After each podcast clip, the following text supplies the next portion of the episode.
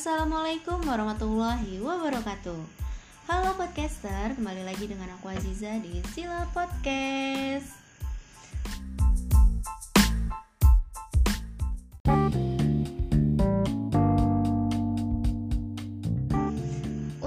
podcast episode 2 ini, aku mau ngobrolin tentang ODGJ Ditemani dengan seorang wanita cantik Hmm, siapakah dia? Langsung aja ya, kita kenalan dengan Bu Periswati. Halo Bu, apa kabar? Halo, baik juga Bu Ajija.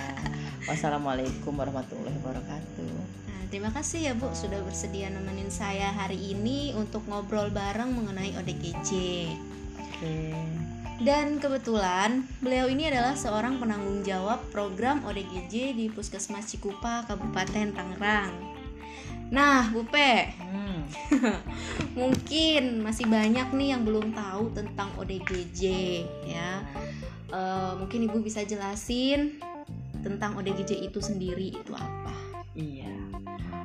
ODGJ itu kan ada singkatannya ya. Itu orang dengan gangguan jiwa. Mm-mm.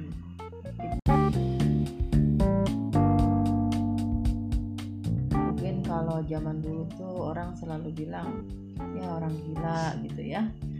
Eh, sekarang sudah tidak boleh lagi, harus diperhalus ya dengan gangguan kesehatan jiwa gitu. Eh, tetapi orang ODGJ itu memang eh, orang yang dengan gangguan jiwanya itu yang lampau lama ya, eh, bisa bertahun-tahun. Tetapi sekarang-sekarang ini baru ditemukan satu persatu. Kayak di kecamatan Cikupa itu ada 10 desa. Ada salah satu desa misalnya bisa ditemukan eh, ODGJ itu bisa langsung eh, setiap bulannya bisa 4 5. Itu gimana eh, kerjasamanya ya antara di desa dengan petugas kesehatan yang di desanya juga gitu. Jadi memang sekarang mulailah diungkap bahwa ternyata banyak sekali pasien ODGJ itu di setiap desa. Eh, ya masalahnya sih macam macam-macam ya. Eh, kenapa bisa sakit seperti itu itu bervariasi. Seperti itu sih ODGJ ya untuk saat ini. Oke. Nah, selama Ibu nanganin ODGJ, rata-rata penyebab terjadinya ODGJ itu apa sih, Bu? Ya itu dia yang saya bilang tadi macam-macam ya.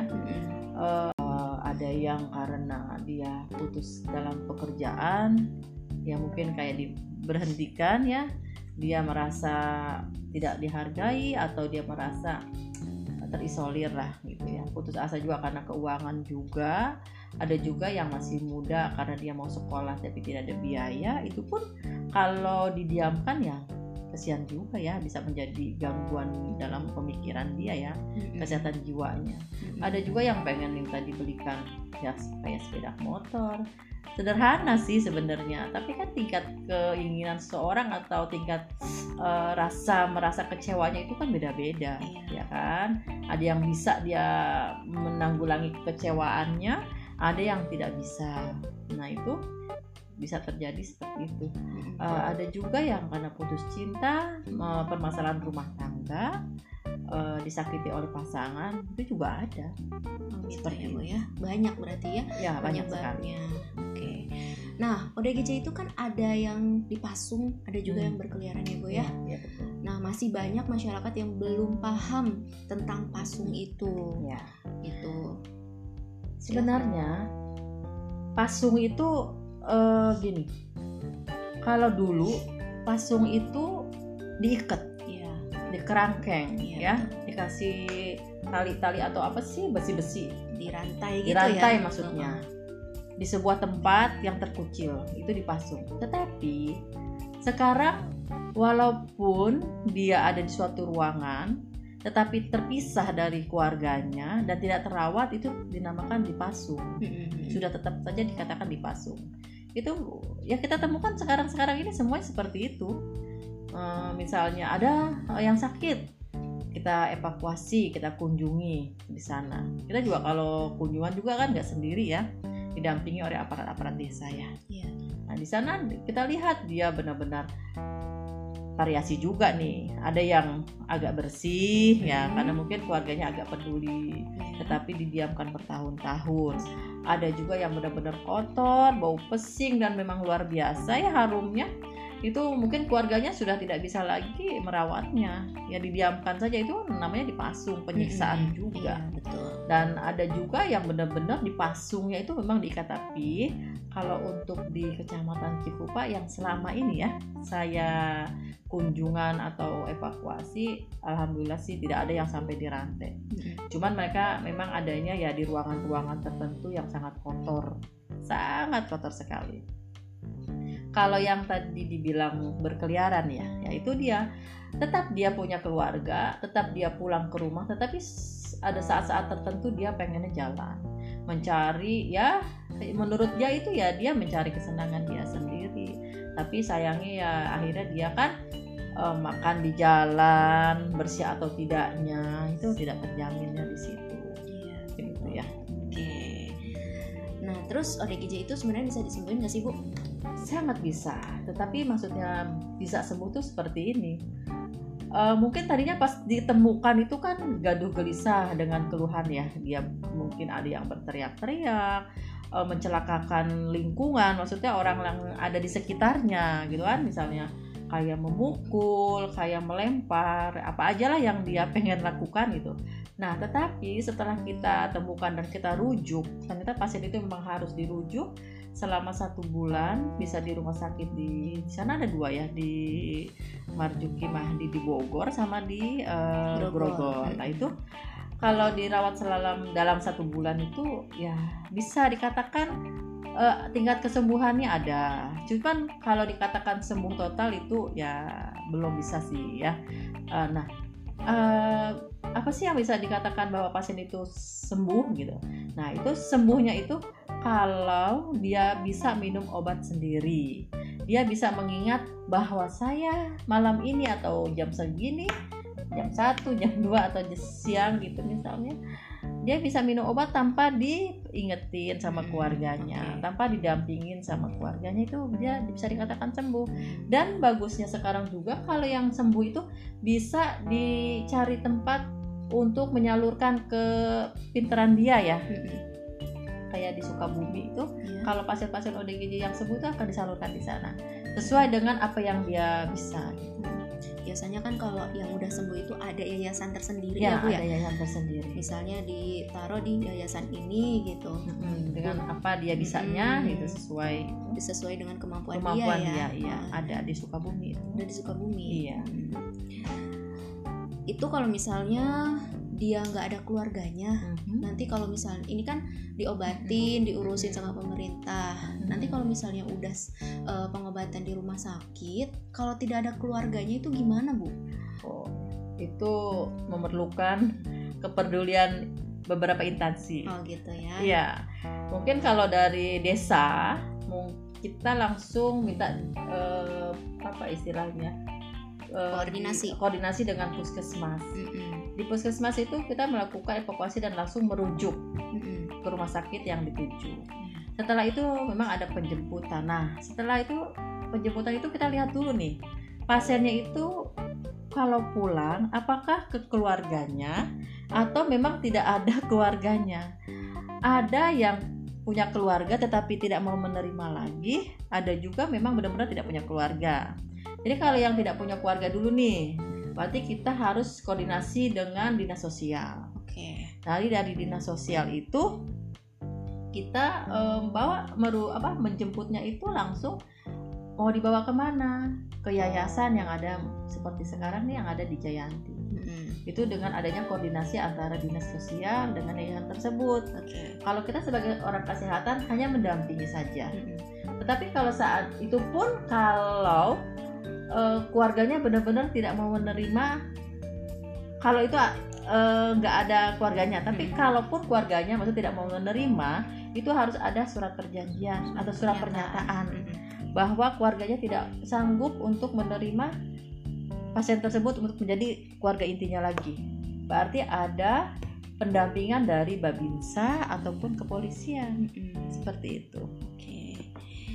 Jadi eh, harus ada keterkaitan antar instansi ya, Iya. nggak cuma dari puskesmas, Iya, desa, betul. tetapi mungkin kecamatan, dinas sosial Iya. gitu ya bu ya. Iya betul. Oke.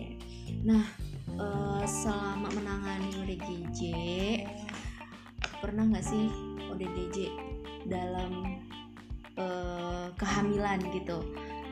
Ada nggak sih pengaruhnya buat kehamilan kalau misalnya ibu ibu hamil mengalami ODGJ gitu Nah, loh bu?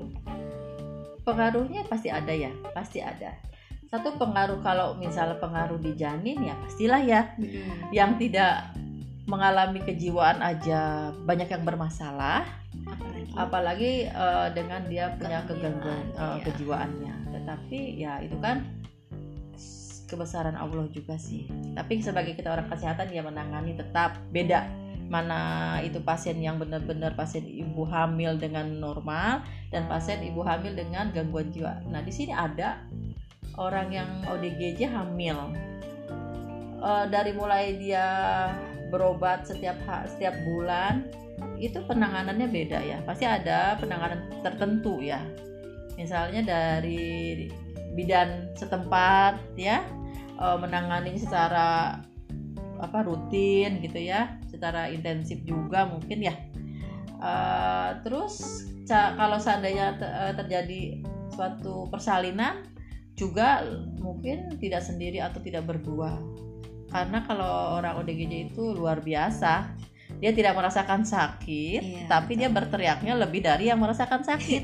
Itu bedanya. Kalau penanganan ada di sini kan dulu ya pernah ada malah lahirnya di pinggir jalan kalau nggak salah. Oh gitu. iya. Waduh. gitu.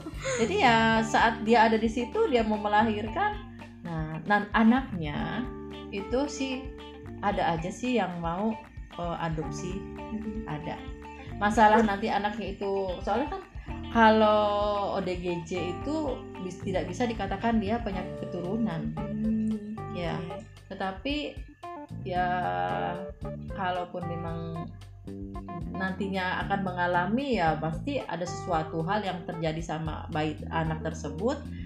Tetapi ada pendukungnya seperti itu. Karena tadi eh, dia berasal dari orang tua yang sebelumnya gitu ya saat dia hamil sudah dalam kandungan ibunya mengalami. Gitu tuh bisa saja. Jadi saat dia merasakan suatu hal yang tidak biasa terima cepat banget kecenderungan ke sananya gitu kalau eh, kalau untuk pasien-pasien eh, atau bayi yang ibunya mengalami, mengalami ODGJ. ODGJ. Oh gitu ya. Beda tapi kalau anak itu sudah lahir, udah besar tapi uh, ada orang tua yang mungkin merasa sakit hati atau apa, stres lah, itu beda lagi. Beda lagi, oke. Nah, selama ibu menangani ODGJ, Hmm. hal yang paling berkesan yang ibu rasakan apa? Ada nggak? Kalau untuk ODGJ itu sebenarnya semuanya berkesan. Mm-mm. Berkesannya ya bervariasi ya. Berkesannya itu bukan berkesan seneng juga sih.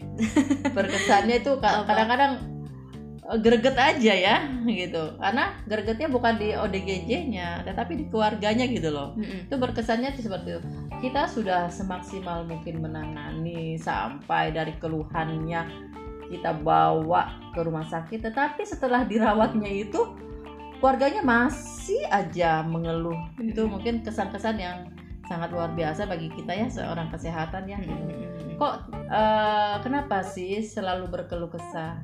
Di saat kita menangani sudah selesai tetapi kok keluarga tetap aja masih ada keluh kesah gitu. Maksudnya eh, bagaimana nanti kalau orang pasien tersebut kembali lagi pulang ke situ nah itu kan tidak menjamin juga nanti akan sembuh total jadinya itu kesan-kesannya sih ya seperti itulah jadi keluarganya sih gitu ya.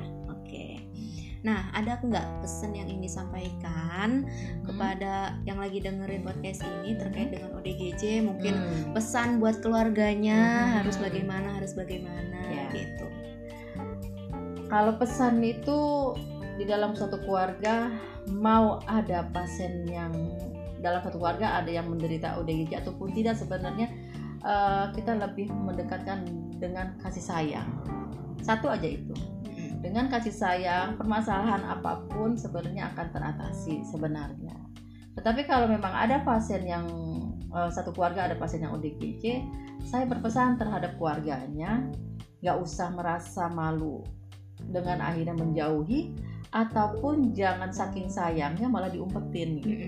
Jadi uh, terimalah uh, permasalahan ini gitu ya dalam satu keluarga dengan semaksimal dia mengurus seperti layaknya uh, keluarga yang normal. Pesan itu pesan itu ya ke keluarganya itu tunjukkan kasih sayang itu benar-benar. Jangan hanya menyalahkan dengan satu menyalahkan dengan yang lain gitu jadi saling bahu membahu bagaimana keluarga tersebut menjadi keluarga yang utuh gitu. Jangan dibuang jangan tidak diakui. Gitu ya bu ya? Hmm. oke. Okay. ada lagi? Ya mungkin itu aja ya pokoknya pesannya pesannya uh, sayangilah pasien ODG, ODGJ itu dengan sentuhan-sentuhan bahasa kita, dengan sentuhan-sentuhan ya fisik kita gitu. Kita jangan takut mendekati orang ODGJ itu bahwa kita akan di gimana gitu enggak. Dia juga akan baik sama kita kalau kita pun berniat baik sama dia. Oke, betul sekali ya, Bu ya. Hmm. Nah, itulah obrolan aku dengan Bu Peris tentang ODGJ ya. Jadi diingat, ODGJ itu butuh perhatian dan support dari orang-orang yang di sekitarnya, terutama keluarga.